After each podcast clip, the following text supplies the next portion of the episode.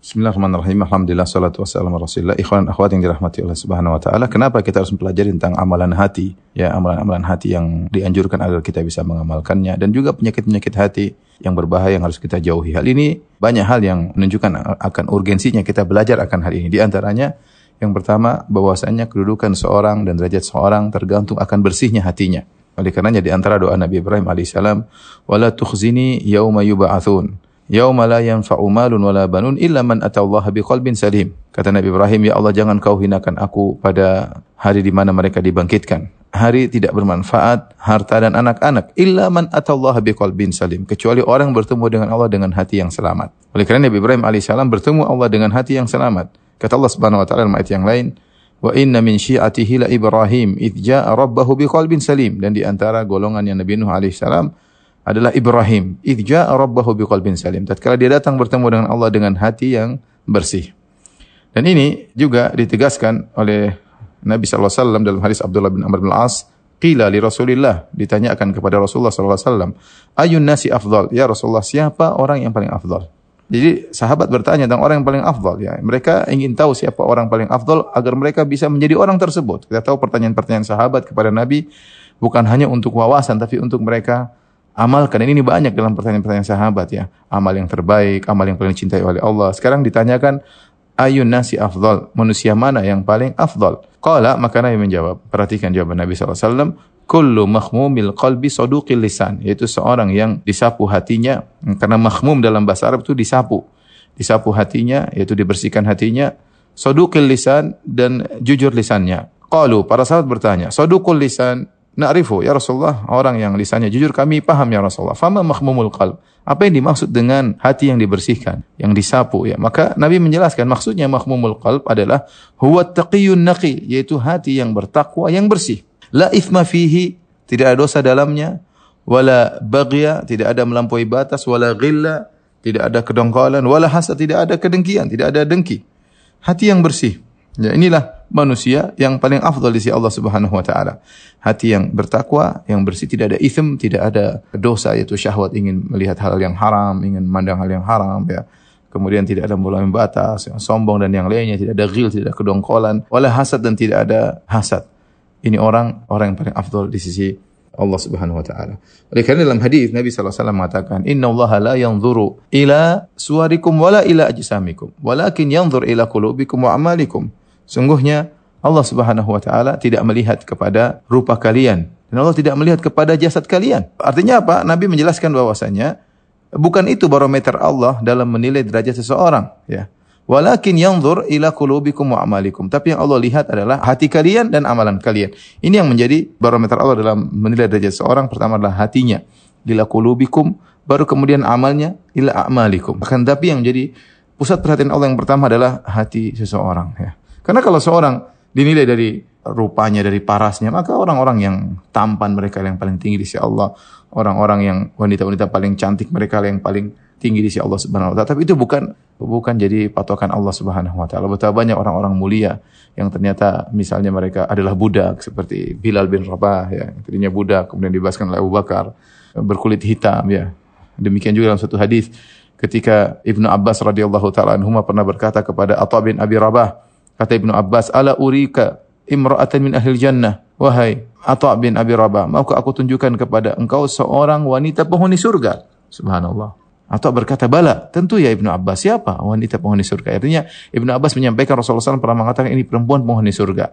Kemudian kata Ibnu Abbas, hadhil mar'atus sauda. Inilah wanita berkulit hitam. Yang Rasulullah mengatakan dia adalah penghuni surga. Ya. Kok bisa wanita berkulit hitam ini menjadi penghuni surga? Atatin Nabi sallallahu alaihi wasallam faqalat. Dia datang menemui Nabi sallallahu alaihi wasallam lantas dia berkata, "Ini usra."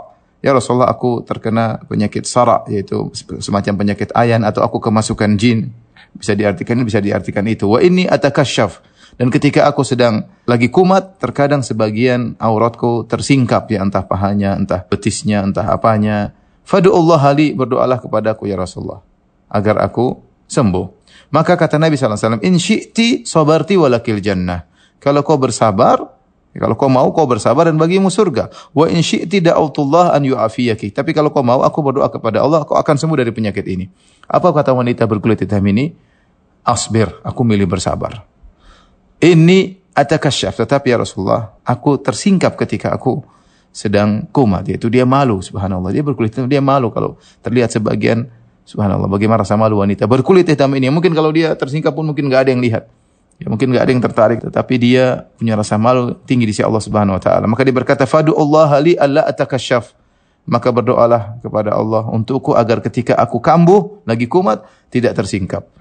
Fada Allah maka Nabi SAW mendoakan. Ini dalil bahwasanya wanita ini penghuni surga lihat dia berkulit hitam, ya terkena penyakit. Tapi apa yang buat dia masuk surga? Buat dia mulia Allah, dia punya amalan hati, sabar. Dia punya amalan hati, sabar. Oleh karena ini peringatan kepada ikhwan-ikhwan dan akhwat yang terlalu perhatian terhadap penampilan zahirnya itu bagus, tidak ada masalah. Tapi lupa dengan perhatikan hatinya. Kita memperhatikan amalan zahir, penampilan zahir, casing kita perhatikan, tapi yang lebih utama kita perhatikan isi hati kita, ya Isi hati kita yang paling penting karena itu yang menjadi barometer penilaian Allah Subhanahu wa taala. Allah alam bisawab. Alhamdulillah salatu wassalamu rasulillah. Perkara kedua yang menunjukkan urgensinya kita mempelajari tentang amalan hati itu bahwasanya pahala yang Allah berikan itu bertingkat-tingkat dan tingkatan-tingkatan pahala pada satu amal yang sama bisa berbeda-beda kembali kepada perbedaan hati, perbedaan amalan hati. Oleh karenanya Bakar Al-Muzani rahimahullah pernah berkata, "Masa bakahum Abu Bakrin bi kathrati siyamin wala salatin, walakin bi syai'in waqara fi sadrihi." Tidaklah Abu Bakar mengungguli para sahabat yang lain dengan banyaknya puasa dan juga bukan dengan banyaknya salat, tetapi dengan suatu yang terpatri dalam dadanya itu suatu amalan hati. Sebenarnya Allah mengatakan, "Alladzi waqara fi sadrihi," yang terpatri dalam dadanya adalah hubbullah. Dia mencintai Allah Subhanahu wa taala. Demikian juga Fatimah bintu Abdul Malik, istrinya Umar bin Abdul Aziz rahimahullahu taala. Eh, ketika Umar bin Abdul Aziz telah meninggal dunia, dia ditanya tentang amalan suaminya, ya. Maka apa jawaban istrinya? Wallahi ma kana bi aktsarin nasi salatan wala bi aktsarihim siyaman. Demi Allah, Umar bin Abdul Aziz suamiku bukanlah orang yang paling banyak salatnya, bukan juga yang paling banyak puasanya.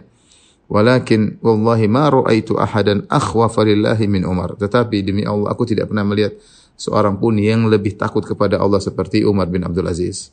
Ini menunjukkan bahwasanya amalan hati punya pengaruh ya, menjadikan pahala ganjaran menjadi besar. Dalil yang menunjukkan akan hal ini sangat banyak. Di antaranya ketika Rasulullah SAW berbicara tentang pahala salat ya. Kata Rasulullah SAW, Inna rajula la yansarifu min salatihi wa ma kutiba lahu illa usyuruhu au tus'uhu au thumunuhu sampai Nabi mengatakan illa nisfuhu kata Nabi SAW tidaklah seorang selesai dari solat kecuali tercatat baginya tidak seluruh amalan solat dia dapat 100% tetapi dia mendapatkan catat pahalanya cuma sepersepuluh solatnya atau sepersembilannya atau seper delapannya atau sepertujuhnya sampai Rasulullah mengatakan atau setengah pahala solatnya kata para ulama kenapa karena ini berbedaan pahala solat ini kembali kepada kekhusyuan. Semakin seorang khusyuk dalam solatnya maka semakin tinggi pahalanya. Ya, ini dalil bahwasanya ganjaran pahala, tingkatan pahala tergantung dengan amalan hati. Ini kita tahu khusyuk adalah salah satu bentuk amalan hati.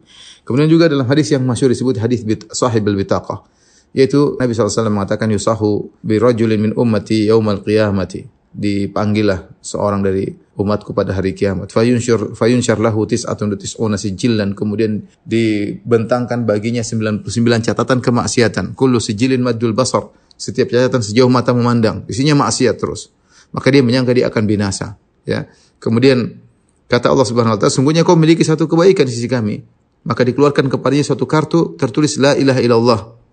Maka dia berkata, "Ma hadhil bitaqa min haula'i sijillat?" Ya Allah, apa pengaruhnya kartu ini dibandingkan dengan 99 99 catatan amal maksiat yang setiap catatan gulungan dibentangkan maka sejauh mata memandang dibandingkan kartu kecil la ilaha illallah. Maka dikatakan kepadanya, Inna lan tuzlamal yaum. Kau tidak akan didolimi pada hari ini. Ketika ditimbang, ternyata kartu la ilaha illallah lebih berat daripada catatan maksiat tersebut. Dan ini luar biasa ya. Dan kita tahu setiap orang Islam punya kartu ini. Setiap kita punya betoko, punya kartu la ilaha illallah. Tetapi kualitasnya berbeda-beda. Semakin seorang kuat, semakin tinggi tawakalnya, semakin tinggi keikhlasannya, maka akan semakin berat kartu la ilaha illallahnya kalau ditimbang pada hari kiamat kala. Ini dalil bahwasanya ganjaran berbanding lurus dengan kuatnya amal hati seseorang. Demikian juga kisah tentang seorang wanita pezina yang dia memberi minum kepada seekor anjing. Bainama kalbun yutifu bi raqiyatin kada yaqtuluhu al-atash idh ra'athu baghin bani Israel. Ketika ada seekor anjing kehausan dia muter-muter di mulut sumur. Dia ingin minum dari sumur tersebut tapi dia tidak punya kemampuan untuk turun mengambil air. Tiba-tiba sampai disebut dalam riwayat dia menjulurkan lidahnya di pasir karena kehausan. Maka dilihat oleh seorang wanita bezina dari Bani Israel. Maka fanazat muqaha maka dia pun melepaskan sepatunya Wanazalat fil bi'r. Kemudian dia turun di sumur, kemudian dia isi air di sepatunya, kemudian dia naik lagi di atas sumur, kemudian dia fasaqathu, maka dia beri minum kepada anjing tersebut. Maka apa kata Nabi sallallahu alaihi wasallam? Laha bihi, maka Allah ampuni dosanya gara-gara amalnya tersebut. Para ulama bahas Bukan berarti setiap orang kalau memberi minum kepada seekor hewan, lantas kemudian dia dapatkan pahala sebesar itu. Tidak, tapi dia mendapatkan ganjaran yang besar karena ada suatu dalam hatinya yang luar biasa. Keikhlasannya, rahmatnya, amalan hati. Ini menunjukkan amalan hati punya pengaruh yang sangat besar dalam memberikan pahala kepada seorang. Di antara juga dia akan hal ini misalnya tentang tujuh golongan yang Allah nongi pada hari kiamat kelak tatkala matahari diberi jarak satu mil di padang mahsyar, maka ada tujuh orang spesial yang Allah naungi pada naungan Allah pada hari kiamat tersebut. Di antaranya, ya Allah sebutkan orang-orang yang melakukan amalan hati yang luar biasa. Seperti apa? Rajulani tahabba fillah. Dua orang saling mencintai karena Allah. Mencintai karena Allah amalan hati. Ya, kemudian di antaranya rajulun qalbuhu mu'allakun bil masajid, seorang yang rindu ingin ke masjid hatinya, amalan hatinya. Ya, di antaranya seorang yang dirayu oleh wanita yang cantik, jilitan kaya raya, kemudian dia tolak dia berkata, "Ini akhafullah, aku takut kepada Allah, takut kepada Allah." Ya, amalan hati. Di antaranya seorang bersedekah dengan tangan kanannya, dia sembunyikan sampai sampai tangan kirinya tidak tahu apa yang disediakan oleh tangan kanannya. Itu apa? Saking ikhlasnya, amalan hati. Kemudian di antaranya rajulun dzakarallahu khalian fa ainah, seorang bersintin kemudian dia ingat Allah Subhanahu wa taala maka dia pun menangis. Ini juga karena apa? Karena amalan hati, ya. Jadi ternyata amalan hati ini punya pengaruh menjadikan pahala besar suatu amal ya. Jadi bisa jadi seorang beramal yang sama tapi pahala jauh berbeda. Sebagaimana dijelaskan oleh Ibnu Taimiyah rahimahullahu taala bisa jadi dua orang salat berdampingan, ya mungkin di saf yang bersama, cara salatnya sama, ya, tetapi pahala di antara mereka berdua jauh antara langit dan bumi. Kenapa? Karena perbedaan amalan hati. Karena perbedaan amalan hati. Oleh karenanya, ikhwan dan akhwat yang dirahmati Allah Subhanahu wa taala, kita tiap hari menjalankan ibadah, menjalankan amal-amal soleh ya, maka perhatikan hati kita. Tata hati kita, manage hati kita agar kita memiliki amalan hati yang kuat sehingga pahala yang kita raih dari amalan-amalan zahir menjadi sangat besar berdasarkan kuatnya amalan hati kita. Wallahu alam bisawab. Alhamdulillah salatu wassalamu rasulillah. Perkara ketiga yang menunjukkan akan urgensinya kita mempelajari amalan hati. Karena ternyata kita tahu kebahagiaan tempatnya di hati. Kalau dalam hati kita ternyata dipenuhi dengan penyakit-penyakit hati, ini menjadikan kebahagiaan kita semakin berkurang. Akan tapi kalau kita semakin bersih hati kita, maka kita semakin bahagia. Lihatlah kalau orang kalau kena penyakit hati, bagaimana dia mau bahagia? Misalnya dia memiliki sifat tamak, ya dalam hatinya tamak, pingin ini, pingin anu, pingin kapan dia bahagia? Lain halnya kalau seorang kona'ah, dia nerima ya, ridho dengan pemberian Allah Subhanahu wa taala, maka dia mudah meraih kebahagiaan. Tidak pasti sebagian orang mungkin hidupnya sederhana. Mungkin kita bicara sekarang orang lagi senang goes misalnya, ada naik sepeda. Sepeda sederhana udah bahagia. Ada orang tidak bahagia sudah punya sepeda bagus, pingin lagi yang lebih bagus, pingin lebih bagus, tidak ada kebahagiaan. Kenapa? Karena masalah hatinya ya. Kapan hati kita terkena penyakit hati tamak, susah kita untuk bahagia. Contoh jika hati kita terkena penyakit hasad. Kita sudah diberikan pemberian oleh Allah Subhanahu wa taala, tapi setiap kita memandang yang lebih memiliki harta lebih banyak daripada kita, yang lebih kaya daripada kita, yang lebih terkenal daripada kita, yang lebih ini daripada kita, yang lebih anu daripada kita, maka kita tidak akan pernah bahagia, ya, tidak akan pernah bahagia. Oleh karena jika seorang ingin bahagia dia harus bersihkan hatinya. Contoh, orang kalau ikhlas dia semakin bahagia. Kenapa? Dia yang dia pedulikan hanyalah bagaimana komentar Allah terhadap amal dia. Yang penting Allah sudah lihat, sudah selesai. Tapi bayangkan orang yang tidak ikhlas. Kebahagiaannya dia gantungkan dengan like, dengan viewers, dengan subscribers misalnya, atau dengan komentar netizen yang dia tunggu-tunggu ya. Sehingga akhirnya dia tidak bahagia. Demikian juga kalau seorang misalnya dia punya penyakit hati uh, dendam, susah memaafkan. Bagaimana dia bahagia? Dia punya masalah sama 10 orang, dia dendam kepada si A, nomor satu, kedua, ketiga, sampai 10. Mau tidur dia ingat-ingat lagi permasalahannya ya.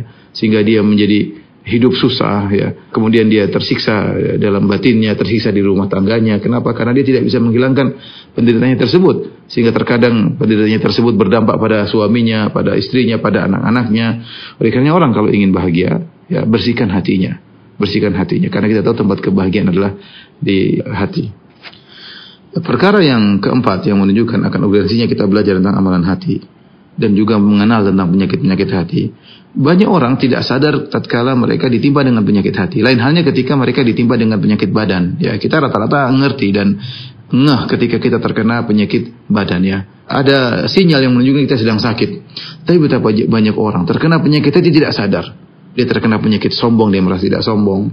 Dia terkena penyakit ria, dia merasa tidak ria. Dia terkena penyakit hasad, dia merasa dia tidak hasad. Dia terkena penyakit pemarah dia merasa dia orang yang bijak. Subhanallah banyak orang terkena penyakit hati dia tidak sadar. Ketika seorang terkena penyakit hati dia tidak sadar bagaimana dia berusaha untuk perbaiki hatinya sementara dia tidak merasa berpenyakit. Maka dengan kita mempelajari tentang amalan-amalan hati dan lawan-lawannya itu penyakit-penyakit hati kita akan bisa mendeteksi sedini mungkin penyakit yang sedang menimpa hati kita. Kalau kita sudah mendeteksi penyakit-penyakit hati kita, kita mudah untuk perbaiki eh, penyakit-penyakit tersebut untuk menyembuhkan penyakit-penyakit tersebut. Sebagaimana penyakit badan kalau dibiarkan akan bertumpuk-tumpuk semakin meradang dan semakin parah ya kalau tidak segera diobati maka demikian juga penyakit hati. Penyakit hati kalau dibiarkan akan bertumpuk, hasad semakin hasad, ria semakin ria, dendam semakin dendam ya. Suudzon semakin suudzon. Kalau kita tidak selamatkan segera jiwa kita, hati kita, maka kita akan semakin parah dan ini berbahaya bagi seseorang. Kemudian perkara yang berikutnya yang berkaitan tentang urgensinya kita belajar tentang amalan hati. Karena ternyata amalan hati adalah amalan-amalan yang agung.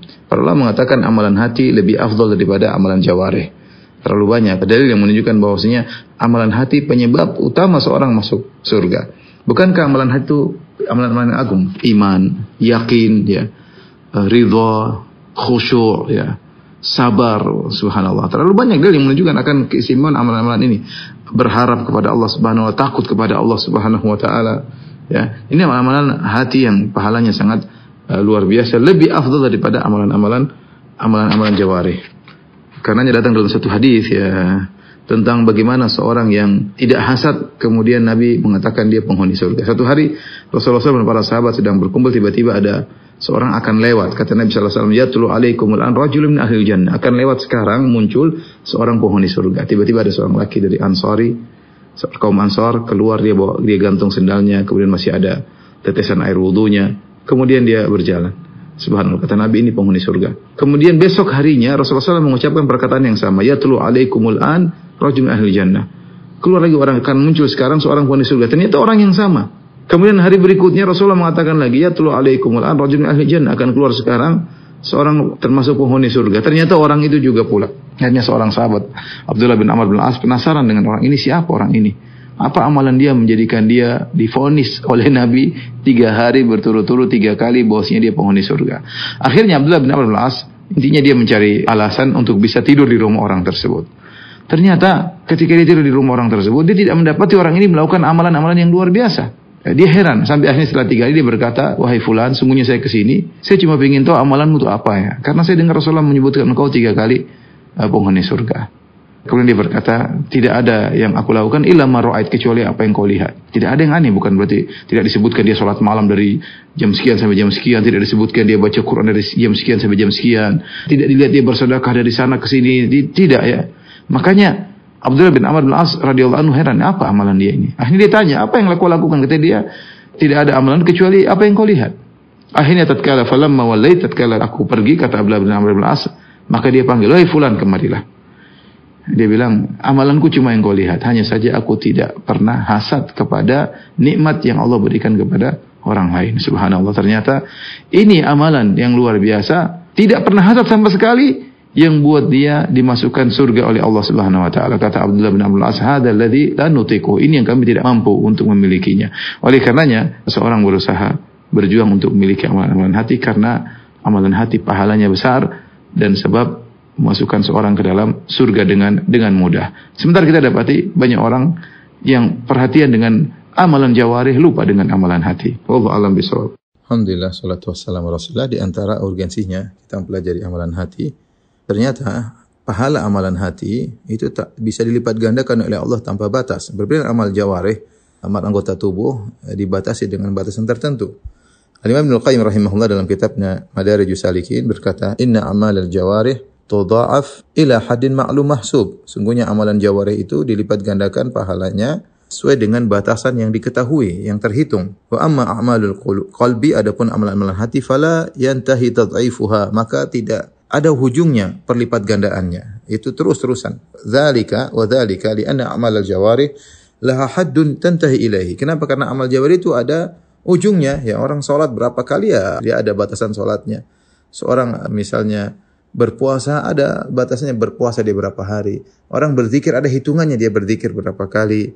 Wa takfi indahu oleh karenanya amalannya pahalanya berhenti sesuai dengan berhentinya amalan tersebut. Fayakunu jazauha bihasabi haddiha maka balasan amalan jawari, amalan anggota tubuh ya sesuai dengan berdasarkan batasannya. Wa ama amalul qalb, adapun amalan hati, fahiya daimatun muttasilatun.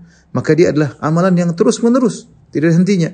Wa in tawara syuhudul abdillaha, meskipun orang-orang tidak melihat, tetapi dia terus misalnya seorang ikhlas, ikhlas kan terus melanggangi hati seseorang ya.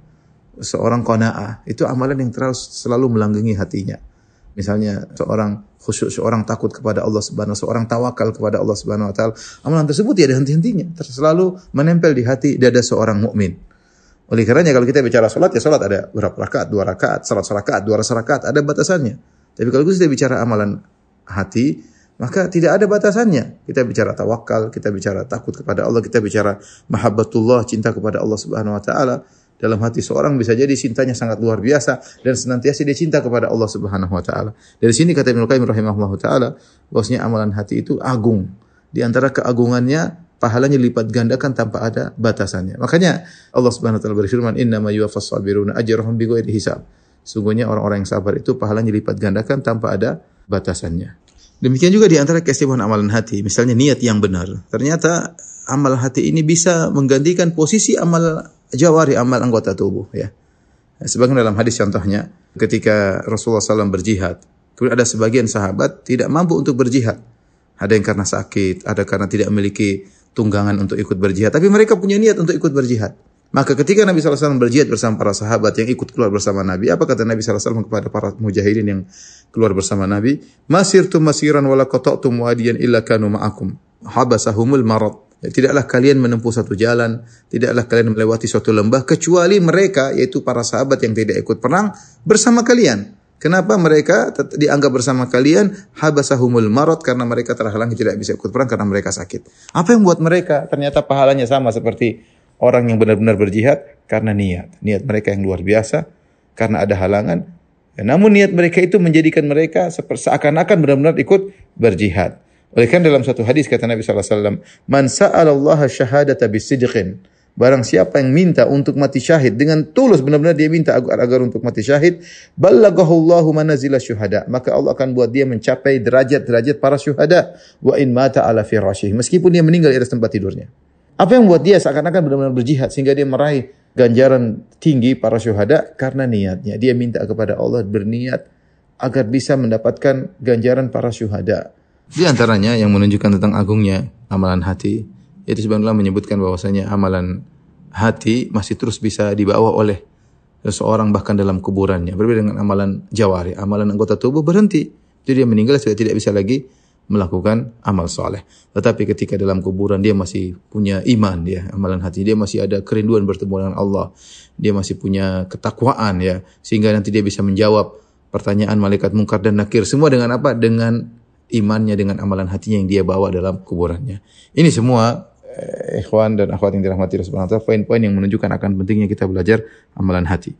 Oleh karenanya mulai sekarang kita harus sadar ketika kita sedang beramal hati, kita kita sedang sabar, yakinlah kita sedang meraih pahala yang besar ya. Karena ini terkadang terlalaikan dari kita. Sebagian orang kalau dia bersedekah dia merasa dapat pahala. Kalau dia sedang sholat dia merasa dapat pahala. Tapi ketika dia sedang sabar seakan-akan tidak ada pahalanya. Seakan-akan itu bukan pahala, padahal sabar itu pahalanya luar biasa. Tawakal itu juga pahalanya luar luar biasa. Seorang tawakal kepada Allah, seorang husnuzan kepada Allah, itu pahalanya luar biasa. Orang yakin itu juga amalan hati. Pahalanya lebih besar daripada amalan-amalan jawari, daripada amalan anggota anggota tubuh ya. Dari sini juga kita tahu bagaimana bahayanya orang-orang yang menyimpang dalam amalan hati. Seperti orang-orang yang terjerumus dalam kesyirikan, yang tawakalnya kepada jimat, yang tawakalnya kepada penghuni kubur ya seperti itu maka mereka adalah orang-orang yang sengsara yang jauh dari rahmat Allah Subhanahu wa taala. Wallahu alam bisawab.